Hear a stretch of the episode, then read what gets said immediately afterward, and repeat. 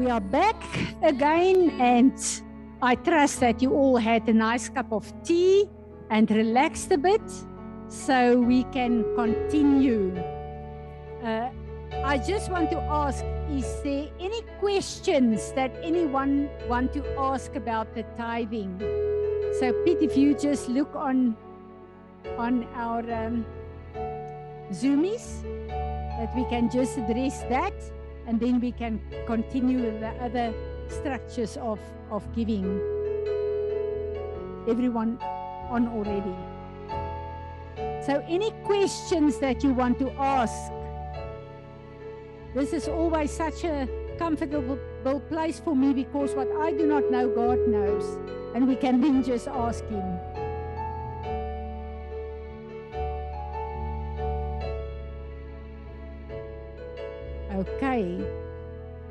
Us then continue. I really want to uh, ask you to read the whole chapter about tithing. There's such a lot of important information that I did not have time to give. And um, uh, the scriptures going with the information, it's so important for us to really understand the word of God, to really understand finances, and to align with that. Uh, another structure that God uh, opens for us to give is first fruits. Now, first fruits, I was not even aware of until I became part of the House of Ariel Gate and started to understand the word in first fruits. Now, what is the first fruit? The Lord asked us to honor Him with the first portion of everything we receive from His hand. This is called first fruits when we bring our first fruits to God, we honor Him as the source of everything good in our lives. This way, we align our future and destiny with His plans for our lives. I want to read the scripture in Deuteronomy. When you come to the land that the Lord your God is giving you for an inheritance and have taken possession of it and live in it, you must now remember this is the time when Israel entered Canaan. And in for the 40 years in the desert, they did not have to work or plant or do anything. God provided daily for them everything that they need to live. So when they entered the, the land of Canaan, the manna stopped. And now they had land that they need to work, that they need to plant to get their livelihood from.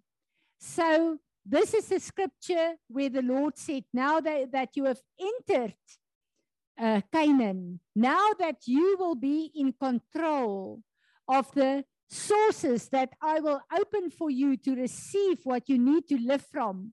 Now I want you to bring up the first portion of every harvest, of everything that you receive to me to honor me. You shall take some of the first of all the fruit of the ground, which you harvest from your land, that the Lord your God is giving you. You shall put it in a basket, and you shall go to the place of the Lord your God, that the Lord your God will choose to make his name to dwell there. And you shall go to the priest who is in office at that time and say to him, I declare today to the Lord your God that I have come into the land that the Lord swore to our fathers to give us. Then the priest shall take the basket from your hand and set it down before the altar of the Lord. Your first fruits is the first little bit of your harvest, of your income, the portion that you give to God to say, God, I honor you because you are my source of everything that I receive. A first fruit is actually just like a down payment and a guarantee for the rest of the harvest that will soon follow. A New Testament scripture to me is that so precious is Ephesians 1 verse 14. That spirit is the guarantee of our inheritance the first fruit, the pledge, the foretaste, the down payment of our heritage in anticipation of its full redemption and our requiring, acquiring complete possession of it to the praise and to his glory. What does it mean that the Holy Spirit is our first fruit? It means that the baptism of the Holy Spirit is only the beginning of the rich spiritual blessings God wants to release to us. What a astonishing thought. When we were baptized with the Holy Spirit and we received the power of God from above, we are equipped with an anointing and an empowerment to do and to live on this earth as God called us. So the baptism of the Holy Spirit is our first experience with God, who now lives in us. He can reveal the remaining part of God to you.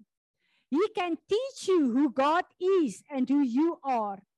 The Holy Spirit is God's guarantee that you will continue to grow into the fullness of the stature of Christ Jesus here on earth. Isn't that amazing?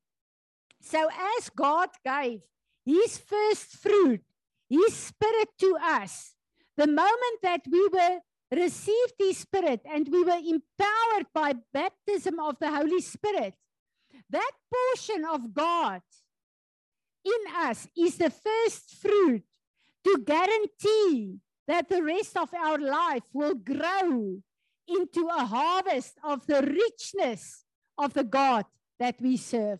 Isn't that just so incredible? When God uh, commanded Adam and Eve to fill and subdue the earth, He wanted them to use Eden as a template of their work. Genesis 1, verse 28 And God blessed them and said to them, Be fruitful, multiply, and fill the earth, and subdue it, using all its vast resources in the service of God and man, and have dominion over the fish of the sea, the birds in the air, and over everything living, every living creature that moves upon the earth. The Garden of Eden was God's first fruit to mankind. So God came and he said to them, This garden with this absolutely uh, abundance that you see and that you enjoy on this earth that I placed for you. This is my first fruit.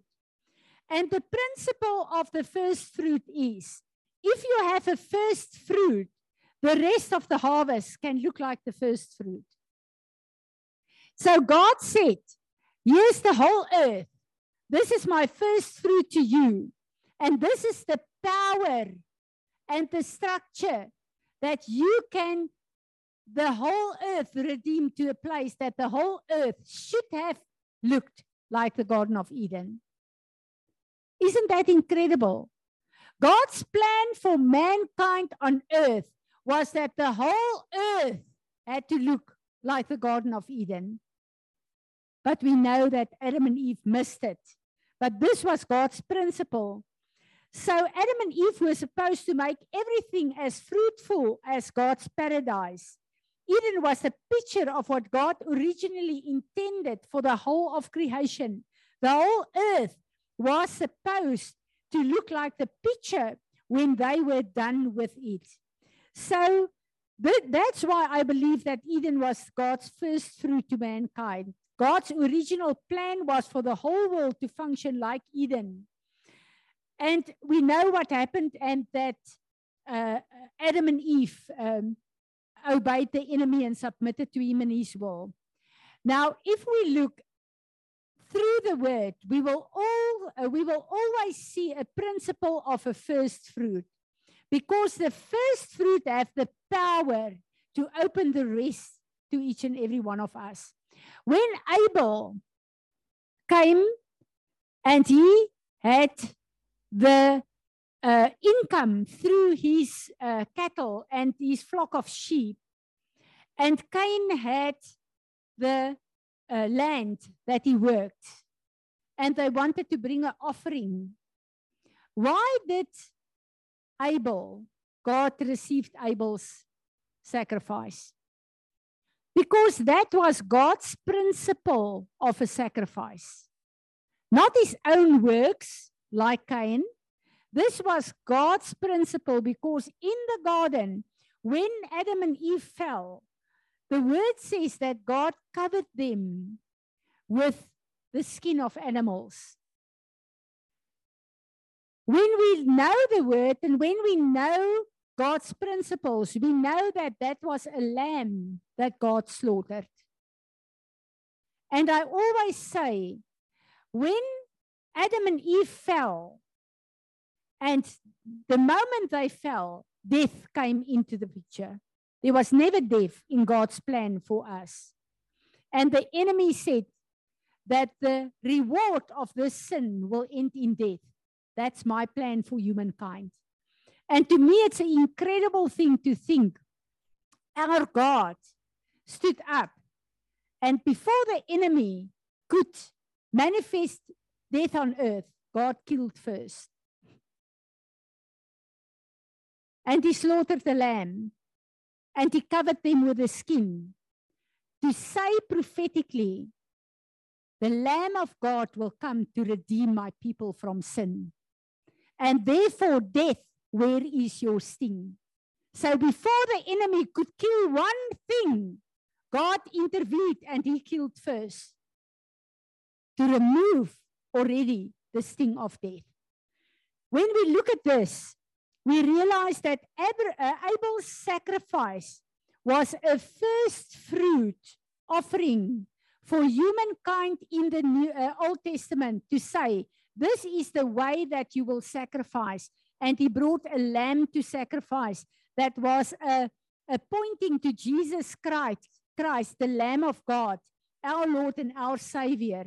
So every time when they sacrificed, and the whole sacrificial system in the Levitical uh, system in the Old Testament, on a certain time in the day, and especially three o'clock when we go to the, the crucifixion, this is the time when Jesus died a lamb was slaughtered and offered to cover the sin of the people. So, what Abel did, that was a first fruit. When we look at uh, God's first fruit principles, it's not only the Garden of Eden. God chose Israel out of all the nations to be his first fruit, to make of them a structure and an example, a blueprint to say to the nations looking at them, the God we serve is the only living God, the Creator. And the blessings of God on Israel was supposed to draw the nations to him. Jeremiah 2, verse 3 says, Israel was holy to the Lord, the first fruit of his harvest. All who are of it incurred guilt. Disaster came upon them, declares the Lord. When the other nations saw how blessed Israel was for serving God, they were supposed to be drawn to him to worship him.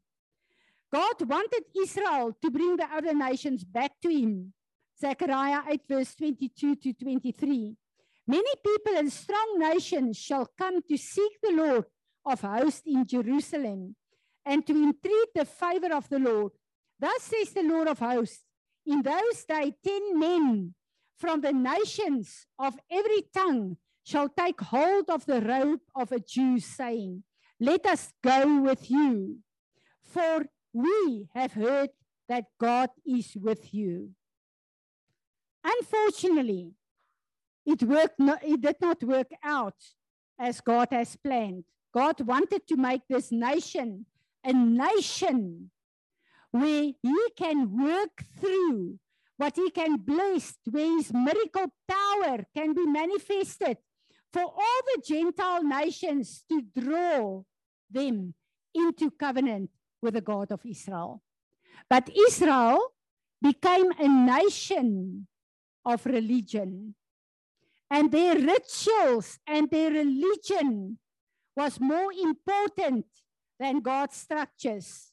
This is why the Jews, even to today, the Orthodox Jews, they have 613 laws connected to the law, the Ten Commandments, that people need to do to prove that they are holy. There's no, no law that can make us holy. We need to understand that it's only God's anointing and presence that can draw us to a place where God can be reflected through us. When we look at the whole story of the fig tree, when Jesus came into Jerusalem, when you look at the prophetic meaning of a fig tree, it represents Israel always. So, what happened when Jesus came in with his disciples to go to the temple during the festival to go and sacrifice? He saw this fig tree and he looked at this fig, fig tree, and there were no uh, figs on, just leaves. And God, uh, Jesus cursed the fig tree.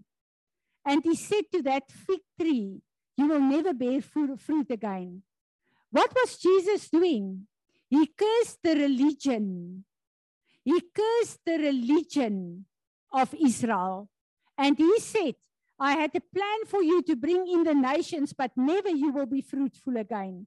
This is why when he went into the temple and he saw the, um, the uh, um, priests that um, used the temple as a marketplace, and why Jesus was so cross is that the place, the outer court where they did all the merchandise and the trading, was the place where the Gentiles should have come to, to sit under the teachings, the training, and the anointing of God. And they used that for the corrupt financial system. So when Jesus overthrew the tables, when you go and look at the, the Hebrew understanding and the Greek understanding of that table, it was actually the corrupt money system of the corrupt priesthood of that time. Jesus came to un- overthrow it because he knew that he is on his way to become the perfect sacrifice. And then to enter into the priesthood of Melchizedek in the order of Melchizedek. So that whole system was overthrown. Um, Israel, the first fruit of God, did not answer God's plan, and therefore God had to overthrow that. Now, Jesus, our Lord and Savior, he became our first fruit in the place of Israel. And to me, it's so important to understand that on the cross of Calvary, the word says Jew and Gentile became one in the body of Christ. So there's no one anymore that need to be example for the nations to come in. Jesus fulfilled the perfect sacrifice when he died. And you know, when we do the festival of, of Pesach, it's so important to understand God's uh, festival and to participate in that. During Pesach, we've got unleavened bread, we've got the crucifixion, and then the resurrection day is called the first fruit feast.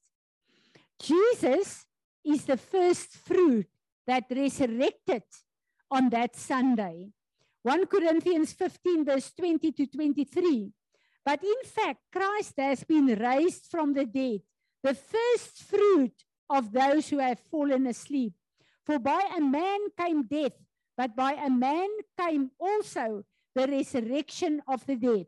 For as in Adam all died, also in Christ all shall be made alive, but each in his own order. Christ the first fruit, and then at his coming, those who belong to Christ. Isn't this such an incredible principle? The word says that Jesus is our first fruit.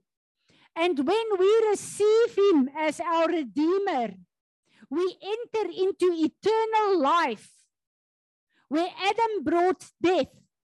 Jesus, the last Adam, brought eternal life. And the power of the first fruit offering on this first fruit day is a declaration to say, God, I come according to your word. And now I put this first fruit offering that I'm bringing to you, I'm putting it on your altar. But my first fruit offering means that if I honor you and I receive Jesus as my first fruit principle, the rest of the harvest in my life need to transform into the image and likeness of Jesus, my Lord and our, my Savior. So when we present first fruit to God, we come and we say, God, this first fruit, the whole structure, the whole blueprint, where I honor you with the first fruit on this, I ask you that the rest of the harvest in my life will become like Jesus. Isn't that incredible? So that's the the uh, uh, declaration we make. That's why first fruit isn't just a financial transaction. It's a person. Jesus is the first fruits of all mankind. He's the first of many that will be saved. When we give first fruit, we honor, honor Jesus as our first fruit. And we uh, celebrate his resurrection from the dead, which brought, uh, which brought us to God. This is so, so important for us to understand. Um, the, the declaration of the first fruit is a powerful declaration in the spirit and a place that moves us to, to a position that Christ opened to us as our inheritance that we need on earth. And last night I touched on the whole uh, principle of the inheritance that he gave us. We don't need abundance in heaven. There's no lack. We need the inheritance in the fullness here on earth. But we need to do certain things to unlock the principles of God and to release His blessings in our lives.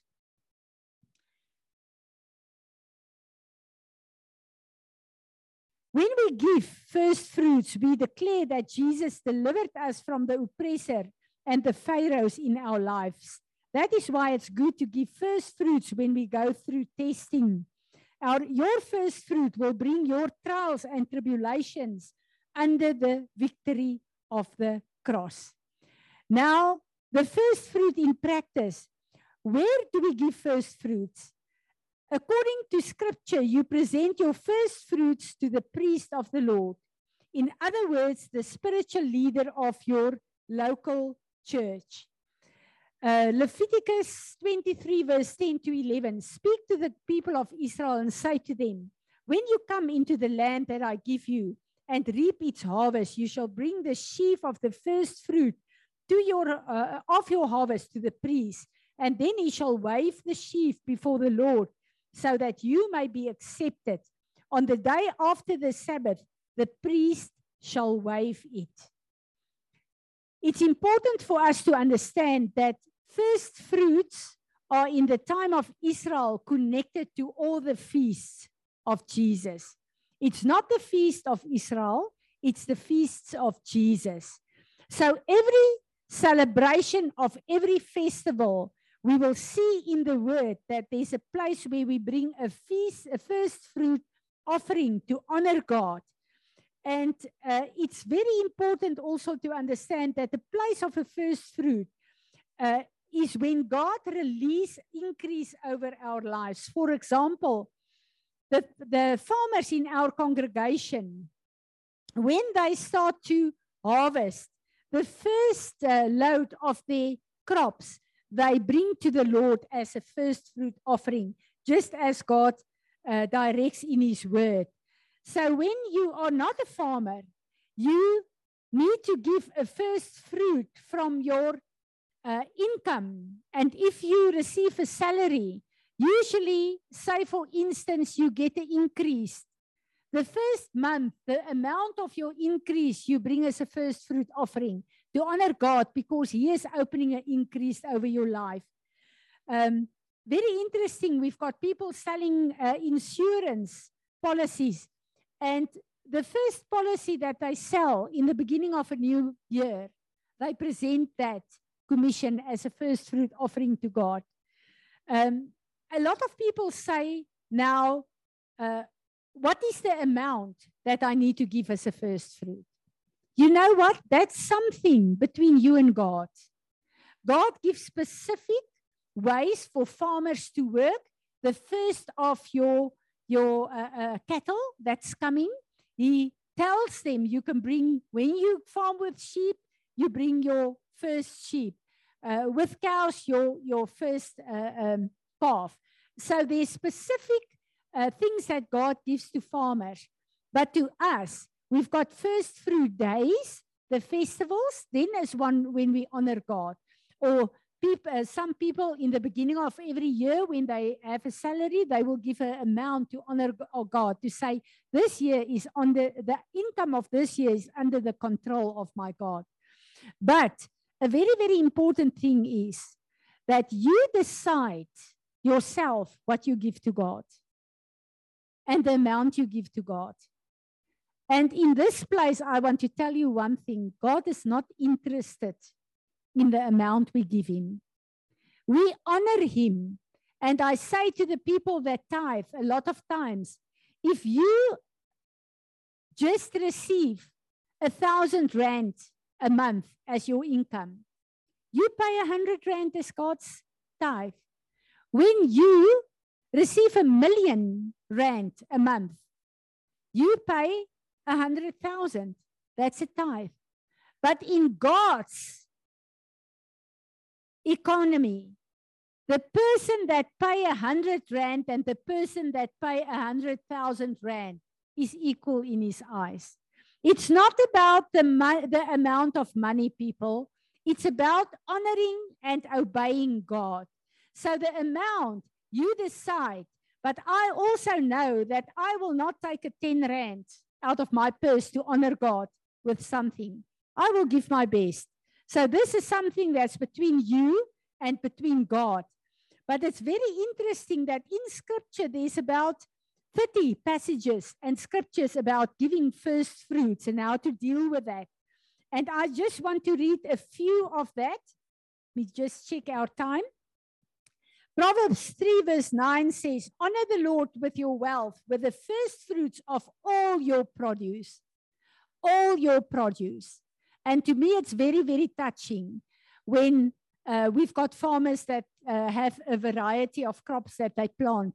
When there are farmers that every uh, um, crop that they harvest, they come and present the first fruit to God. I think that just touches the God, uh, the the um, uh, uh, heart of God in such a way. Now that I'm saying this, I want to share something with you that really, really touched my heart so deep.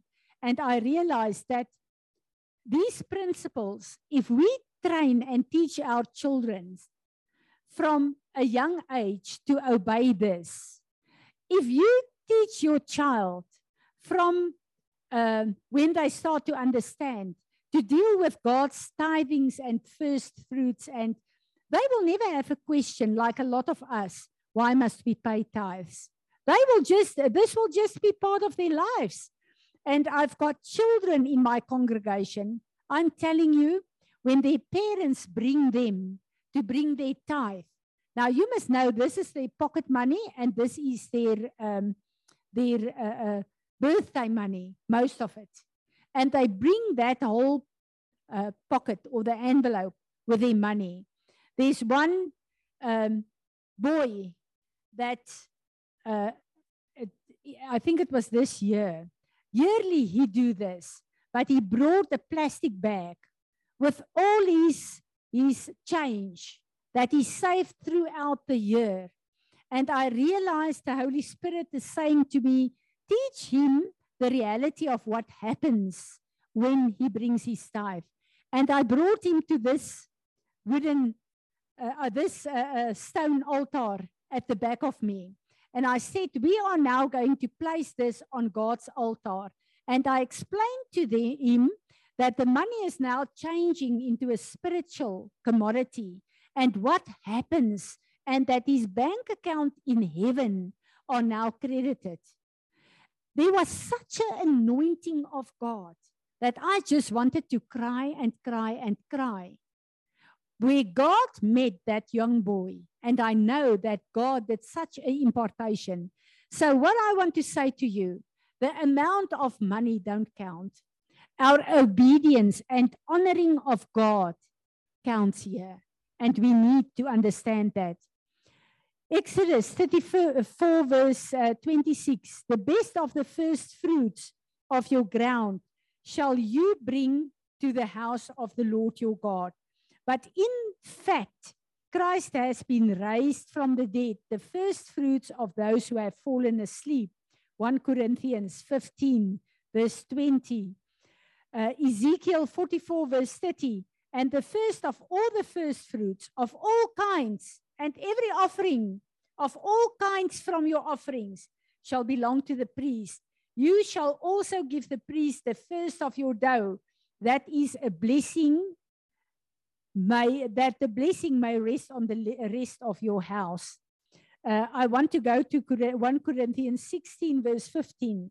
Now I urge you, brothers, you know that the household of Stephanus were the first converts in Achaia, and that they have devoted themselves to the service of the saints. So the first converts in a region were marked as a first fruit for God.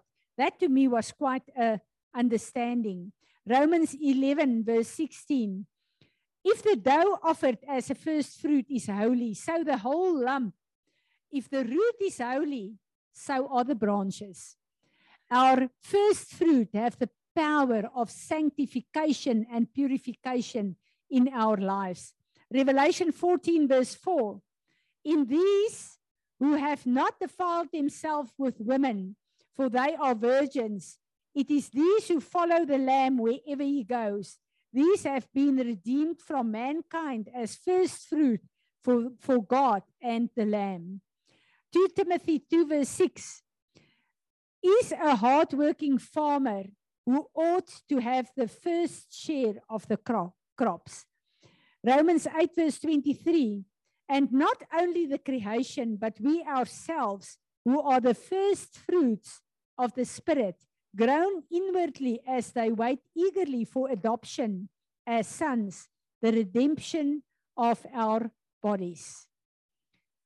So I think we understand that the principle of a first fruit is like a security. When we honor God with that, we say, God, we trust you that you will change and transform our homes, our uh, bodies, ourselves into the rest and the power of the resurrected Jesus Christ, our first fruit. So this is so such a powerful, powerful um, place where we can can um, honor God in. Now, one of the second things uh, I think we we really misunderstand a lot of this is uh, sowing and reaping.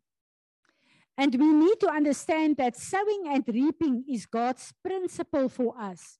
Everything in life, uh, life is, a, is connected to sow and reap.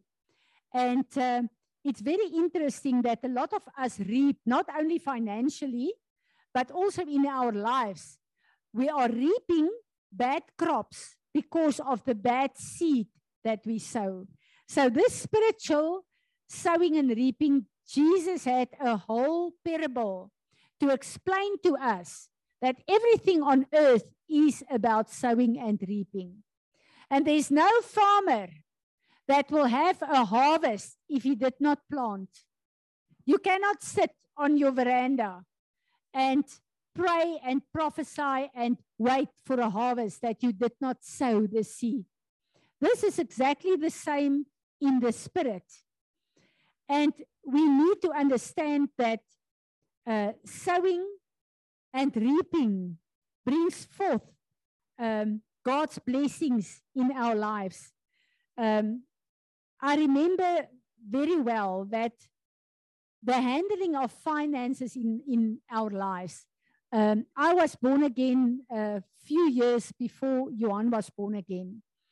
And I did not realize, but he watched me carefully. and the way that I handled specifically finances in a time where we had a lack. He was watching me and he said to me, he was too afraid to stop me doing certain things because, say, if, if this is God, he will be in trouble with God. That was his mindset way uh, back then. And I remember very well that um, uh, there was a boy, one of our family, that really struggled in school. And uh, uh I had a business, and my children uh, did their homework uh, after school in, at the back in my business. And I offered his mother that um, I will um, oversee his homework and his studies because my children were by the grace of God, really very strong uh, students. And he came to do, uh, to do his homework with us. Um, this uh, lasted for a few years. But um, in this time, his mother asked me, uh, what must she pay me? And I said, no, I don't want money. I, um, I uh, just do it for the love of your child. And she decided then to every month, the end of the month, she bought us a whole sheep. Now, that was wonderful for the Van Wyk household uh, that time. And I didn't even realize the principles of God that was so fixed in my life. And my husband said to me uh, uh, uh of a long time ago, uh, after he got saved, he said, he watched me. And the first month that I received this whole sheep, as I packed it away in the deep fridge, I had a few portions that I took and I sold it to people that, that um, did not have meat.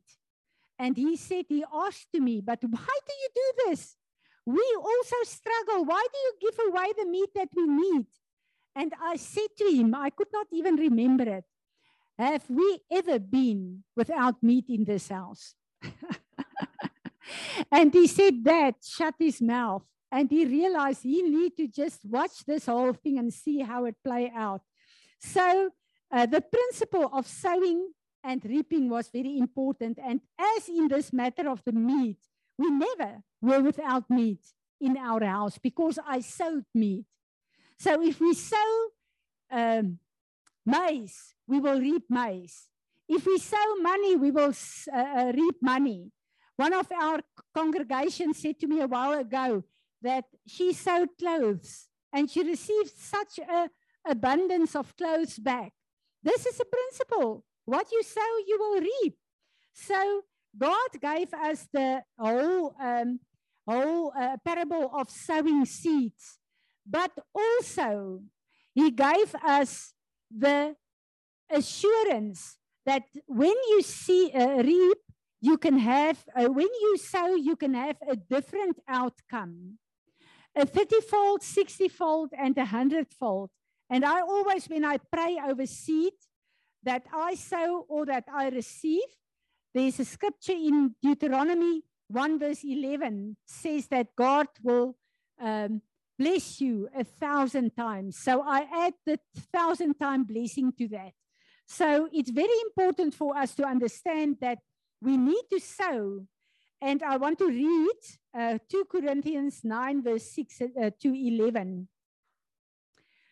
Um, the point is this whoever sows sparingly will also reap sparingly, and whoever sows bountifully will reap bountifully. Each one must give as he has decided in his heart, not reluctantly or under compulsion, for God loves a cheerful full giver. And God is able to make all grace abound to you, so that having all sufficiency in all things at all times, in all things at all times, you may abound in every good work.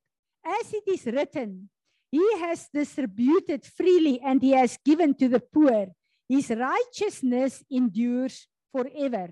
You supply seed to the sower and bread for food will supply and multiply your seed for growing and increase the harvest of your righteousness. You will be enriched in every way to be generous in every way, which through us will produce thanksgiving to God. Our seed that we sow do not only bring a harvest in for ourselves, but it honors God. It honors God. So when we look at the principles of seed, you know that in the natural, when you sow, you will reap. But there's no farmer that will not first cultivate and work his land. There's no farmer that will take expensive, pure seed and go and sow it into a land that is not prepared.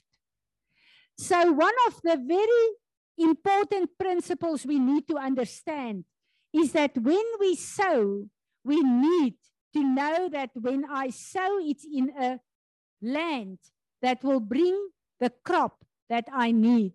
You will not be a fool to sow in people's lives or in places where you uh, will not receive the harvest. I remember one time the Lord asked us to sow a, car in someone's life. a couple of months later, the Lord told someone to give us a car. and Johan received the bakkie that he's still so in love with. Um, he received that as a harvest. We understood that only afterwards from seed that we sow. So if you sow a car, you will reap a car. Please don't ask for my car. I, I'm not ready to sow it. Genesis 1, verse uh, 11 to 12. God said, Let the earth produce vegetation, plants bearing seeds, each according to its own type. The fruit trees bearing fruit with seed, each according to its own type. The earth produced vegetation, plants bearing seeds, each according to its own type. What you sow in obedience to God will multiply in His hand and provide in your needs. It's so important to understand this. When people sow seed in your life, make sure that you pray over that seed for them, for their harvest to come to full time. It's very important. There's no farmer that plant and don't expect rain or working of the, the plants that uh, are growing, or you need to cultivate that seed that land through the prayers, the authority that God has given you. When someone sow seed in your life, pray over it. I usually take their seed in my hand and ask Father to control and ge the germinate process and to bring the harvest that will glory, uh, bring glory to Him, but that will also be a blessing. Where do we sow? I explained this you look at a field that is really um, a, a place where good harvests come from. I have a few spiritual mentors in my life that really um, are instruments from God that impart to me, but also um, shape and mold me for the place where God is um, uh, uh, using me. And it's very important for me to sow into, into their lives, to make sure that I also invest in that land because I need more harvest to come into my life. Very important for us to do it. And it's important for us to really be, uh, wake up, allow the Holy Spirit to tell you where to sow. Don't sow if you are not sure. And something that's very important also is that um, the Lord, yeah, uh, sowing and reaping is a very is very real to me. I have so many testimonies of the effectiveness of seed offerings. A few years back, the building we used for our church became too small. One night in prayer, I asked the Lord to give us a bigger building. And he answered that I needed to make a seed offering. Specifically, specifically, he told me to sow the money my husband and I were saving for a car. He had already saved, we had already saved a substantial amount, and he wanted me to give that as a seed offering. Now, to me, that was quite a lot of money in that account. And I thought maybe I made a mistake. Maybe I did not hear the Lord. And the morning early, I just waited for Johan to woke up and I said to him, the Lord said we must take that money and sow it. And he said to me, do it. And I said, okay, then it is the Lord, because that's always my confirmation. It was very interesting. We sowed that amount of money that was still today a large amount of money. And I went, I had such a joy in me. And I went to the Lord and I said, Lord, this was such a joy to give, to sow this seed. And I said, even if I had a million rand, I would have sold it if you tell me. And the Holy Spirit said to me, pray for the million rand. And I thought, wow. And I did. And I said, God, if you allow me, give me the million rand to sow. You know, within nine months, God, uh, oh, first, I think it was uh, two months money, you must correct me. God provided the whole amount for us to buy a new car. And then God provided amounts of money, and we only realized afterwards, nine months after I said, God, give me a million rand, I'll sow it. God provided us with a million rand to sow into the ministry that we were connected to. And just after we have sold the million rand, God said to me, I want you to bring it as a wave offering before me because this will be a first fruit of the finances that you will handle in the kingdom. And shortly after that, I don't know if it was two months or three months, God immediately started and someone put 250,000 Rand in our hands. And I remember so well, Johan thought, well, this was wonderful. And immediately the Holy Spirit said to me, I also want you to sow this whole amount. but then I understood the principles of God. And I knew that finances, to tap into kingdom finances, you don't need to be a millionaire on earth to receive millions for God. He will use you to generate finances for his kingdom if you are prepared to become a, a steward for him. Now I must really um, move on fast because load shed is coming up. So I want to touch uh, the uh, place of alms, giving alms. You know, this is one of the areas that is really so touching to my heart because God says the poor will always be with us.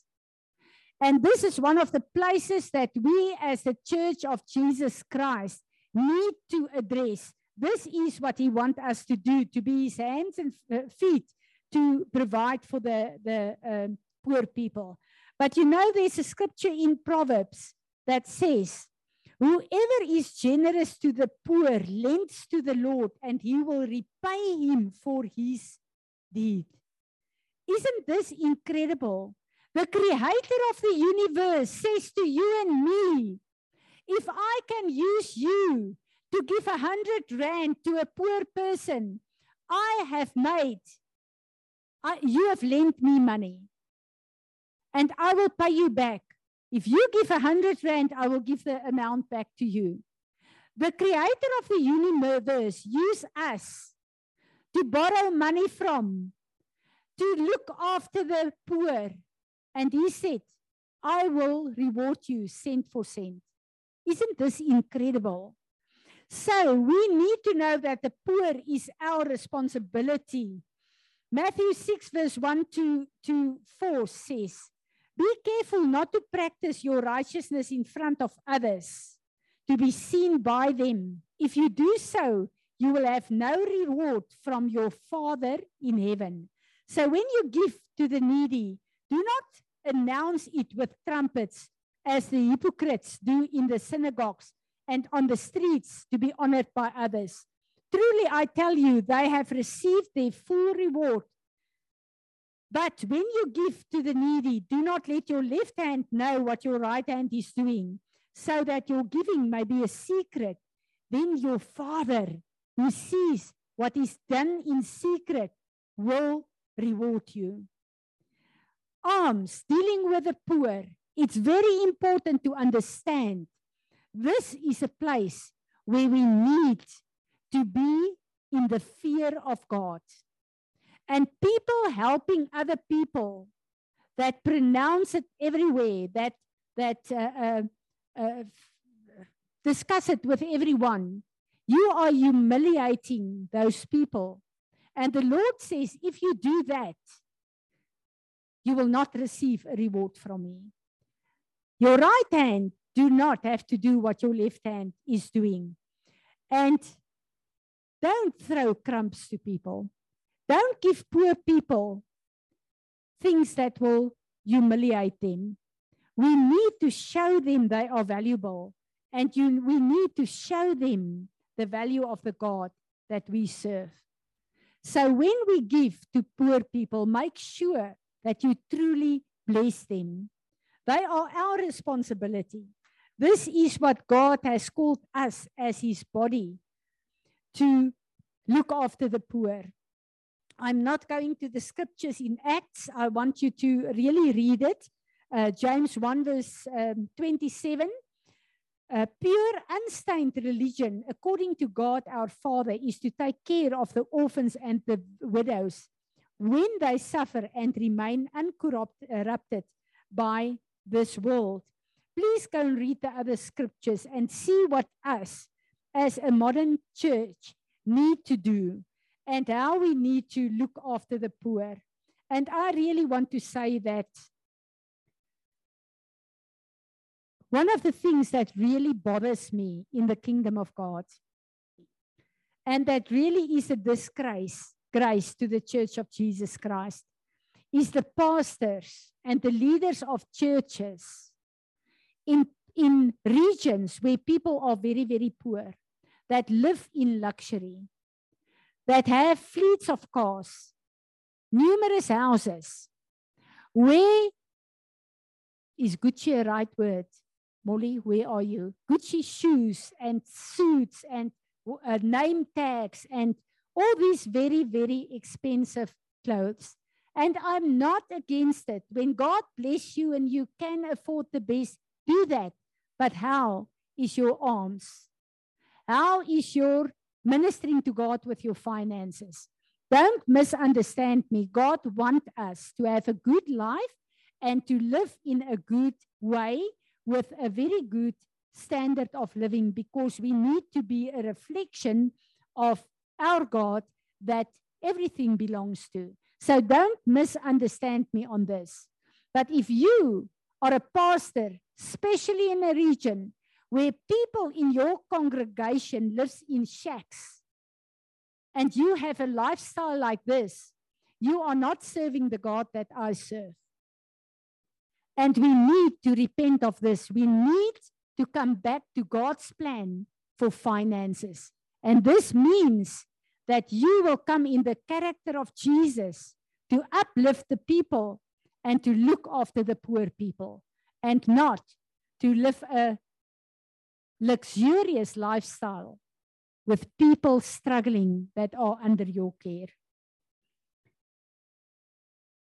I just want to touch this stats. Nearly a half of the world's population, more than 3 billion people, live under less than $250 a day. More than 1.3 billion have to survive in extreme poverty, which defines uh, is defined as less than $1.25 per day. A billion children worldwide are living in poverty. According to UNICEF, 22,000 children every day die because of poverty. 22,000. 805 million people do not have enough food to eat. More than 750 million people do not have access to clean drinking water. This causes problem with diarrhea, sanitation, and uh, hand hygiene, which in turn kills an estimated uh, 842,000 people a year. That is 2,300 uh, people a day. In 2011, uh, 165 billion, billion children under the age of five were stunted, experienced a reduced rate of growth and development due to chronic uh, malnutrition. Preventable diseases like diarrhea and, and um, pneumonia takes the life of 2 million children a year because they too are too poor to afford proper treatment. As of 2013, 21.8 million children under the age of a year did not receive proper vaccination against um, diarrhea, tetanus, um, polio, or the other uh, sicknesses. One of four people don't have electricity. 80% of the world population live on less than $10 a day. Hunger is the number one cause of death in the world, killing more people than AIDS, malaria, tuberculosis combined. These numbers are a disgrace of the church and the body of Jesus Christ. God has called us to look after the poor and to address these issues. We need to start, start to understand and align with God's structures concerning our finances.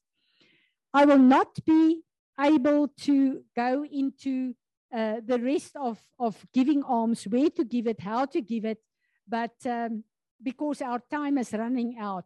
And I do want to touch a little bit on trading, but this is a topic that I want to, to urge you to read the book, to read the scriptures, to see why we are trading. It's very interesting when you looked last night when um, uh, some of the people stood up and started to trade. Why do we trade? What is the principle of this? This is actually when we read the scriptures in the Old Testament, what happened when God sent word and blessings and destiny uh, to the, the uh, people, our ancestors, they immediately slaughtered the animal, took their wealth, and sacrificed. Because what they say to God is the word that you give me, I am trading into this because I receive it and I want to make it a part of my um, uh, lifestyle. So the example uh, that I have in the book is Abraham and um, Gideon and uh, quite a few of our, our uh, forefathers. But a very uh, interesting scripture is Acts 10, verse 1 to 6, the scripture about Cornelius. Uh, and I'm not going to read it because of a lack of time. But in the book of Acts, an angel of God visited Cornelius to tell him that his gifts and his alms had come up as a memorial before God. Can you see the power of trading and sowing with our farm, uh, with our finances? It was his giving that opened the door for angelic visitation. When you trade into the kingdom, you offer your offering becomes a memorial that is answered by heaven. Cornelius' trade not only brought spiritual breakthrough in his own life, but it transformed his entire family. It also paved the way for the Holy Spirit to be released to the Gentiles, which unlocked a whole new era in the history of the church. Isn't this incredible? So when we um, receive a word, when you sit and you know the revelation that has been released now. This word hits me in the spirit. You know that when you receive a word, you feel this is for me. Then you stand up and you trade in the trading baskets and you say, God, I take ownership of this word. I want this in my life. I trade with heaven for this word. So, this is the practice of trading. And um, it's very important for us to understand that this is what happened to um, Samson and to his um, parents when God sent the angel and the word for the destiny and the calling of, of Samson. They traded with heaven. They immediately slaughtered and sacrificed. And then the angel could go back to heaven as an answer. So I am so sorry. Our time is up and we are going to have load shedding now. But I'm so grateful that the Lord allowed me to really just download what was necessary. So thank you for each and every one of you. Uh, I am now with a group that is in the congregation going to stand in the gap and I'm going to pray over all of you. And I'm going to ask God that He will uh, destroy all the seed that we have sown and uh, forgive us for all the mistakes we made, our lack of paying that, and then uh, paying God's tithes and His structures. And then I'm going to trust God and I'm going to break the curses on our finances in the name of Jesus. So know that you are part of what's going to, to take place and in the different places where you are, especially the pastors in the different regions, with your groups now, go into a time of repentance and then ask the Lord to break the curses on our finances and to release his blessings. May you have a glorious, wonderful rest of the weekend. Amen. Great. Very good news. We've got a few minutes. Let's just stand before the Lord. So, Father God, we just want to come and humble ourselves before you this afternoon. Lord, we want to thank you for the instructions, the teachings, that you gave us this two days, Father. And we want to come and say, we want to receive your word. We want to ask you, Holy Spirit, that all the seed of your word that has been sown into our lives, Lord, that this seed will uh, come to a place where it germinates and bring a harvest forth to be an honor to our King, our Lord and our Savior. So, Father, we want to come and we want to ask your forgiveness in this day. Lord, we robbed you. We did not pay your tithes, your first fruits, Lord, your offerings.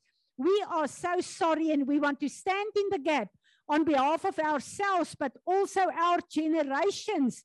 And we want to ask you, Lord, please forgive us that we stole from you. But Lord Jesus, thank you that you are our advocate and that you and your blood come to the front now. And I want to ask you that you will break every curse of not tithing and offering over us and our descendants in the name of Jesus, and that you will reverse it into your blessing. So, Father, we want to come and repent that we did not understand sowing and reaping. And we want to ask you every place where we sowed in bad uh, ground, Lord, every place where we sowed, where you did not want us to sow, we want to ask your forgiveness, Lord, and we want to ask you to send out your angels to come and redeem our seed, Father, and every wrong harvest that's on our lands. That you will just come and burn it, Lord, and that you will destroy it in Jesus' name. Father, we want to ask your forgiveness every place where we did not um, uh, answer to your call to look after the poor. Father, we are so sorry. We want to ask you, Father, to come and teach us and train us, that you will connect us, Father, to the places where you want us to look after the poor. In Jesus' name. Amen. Amen.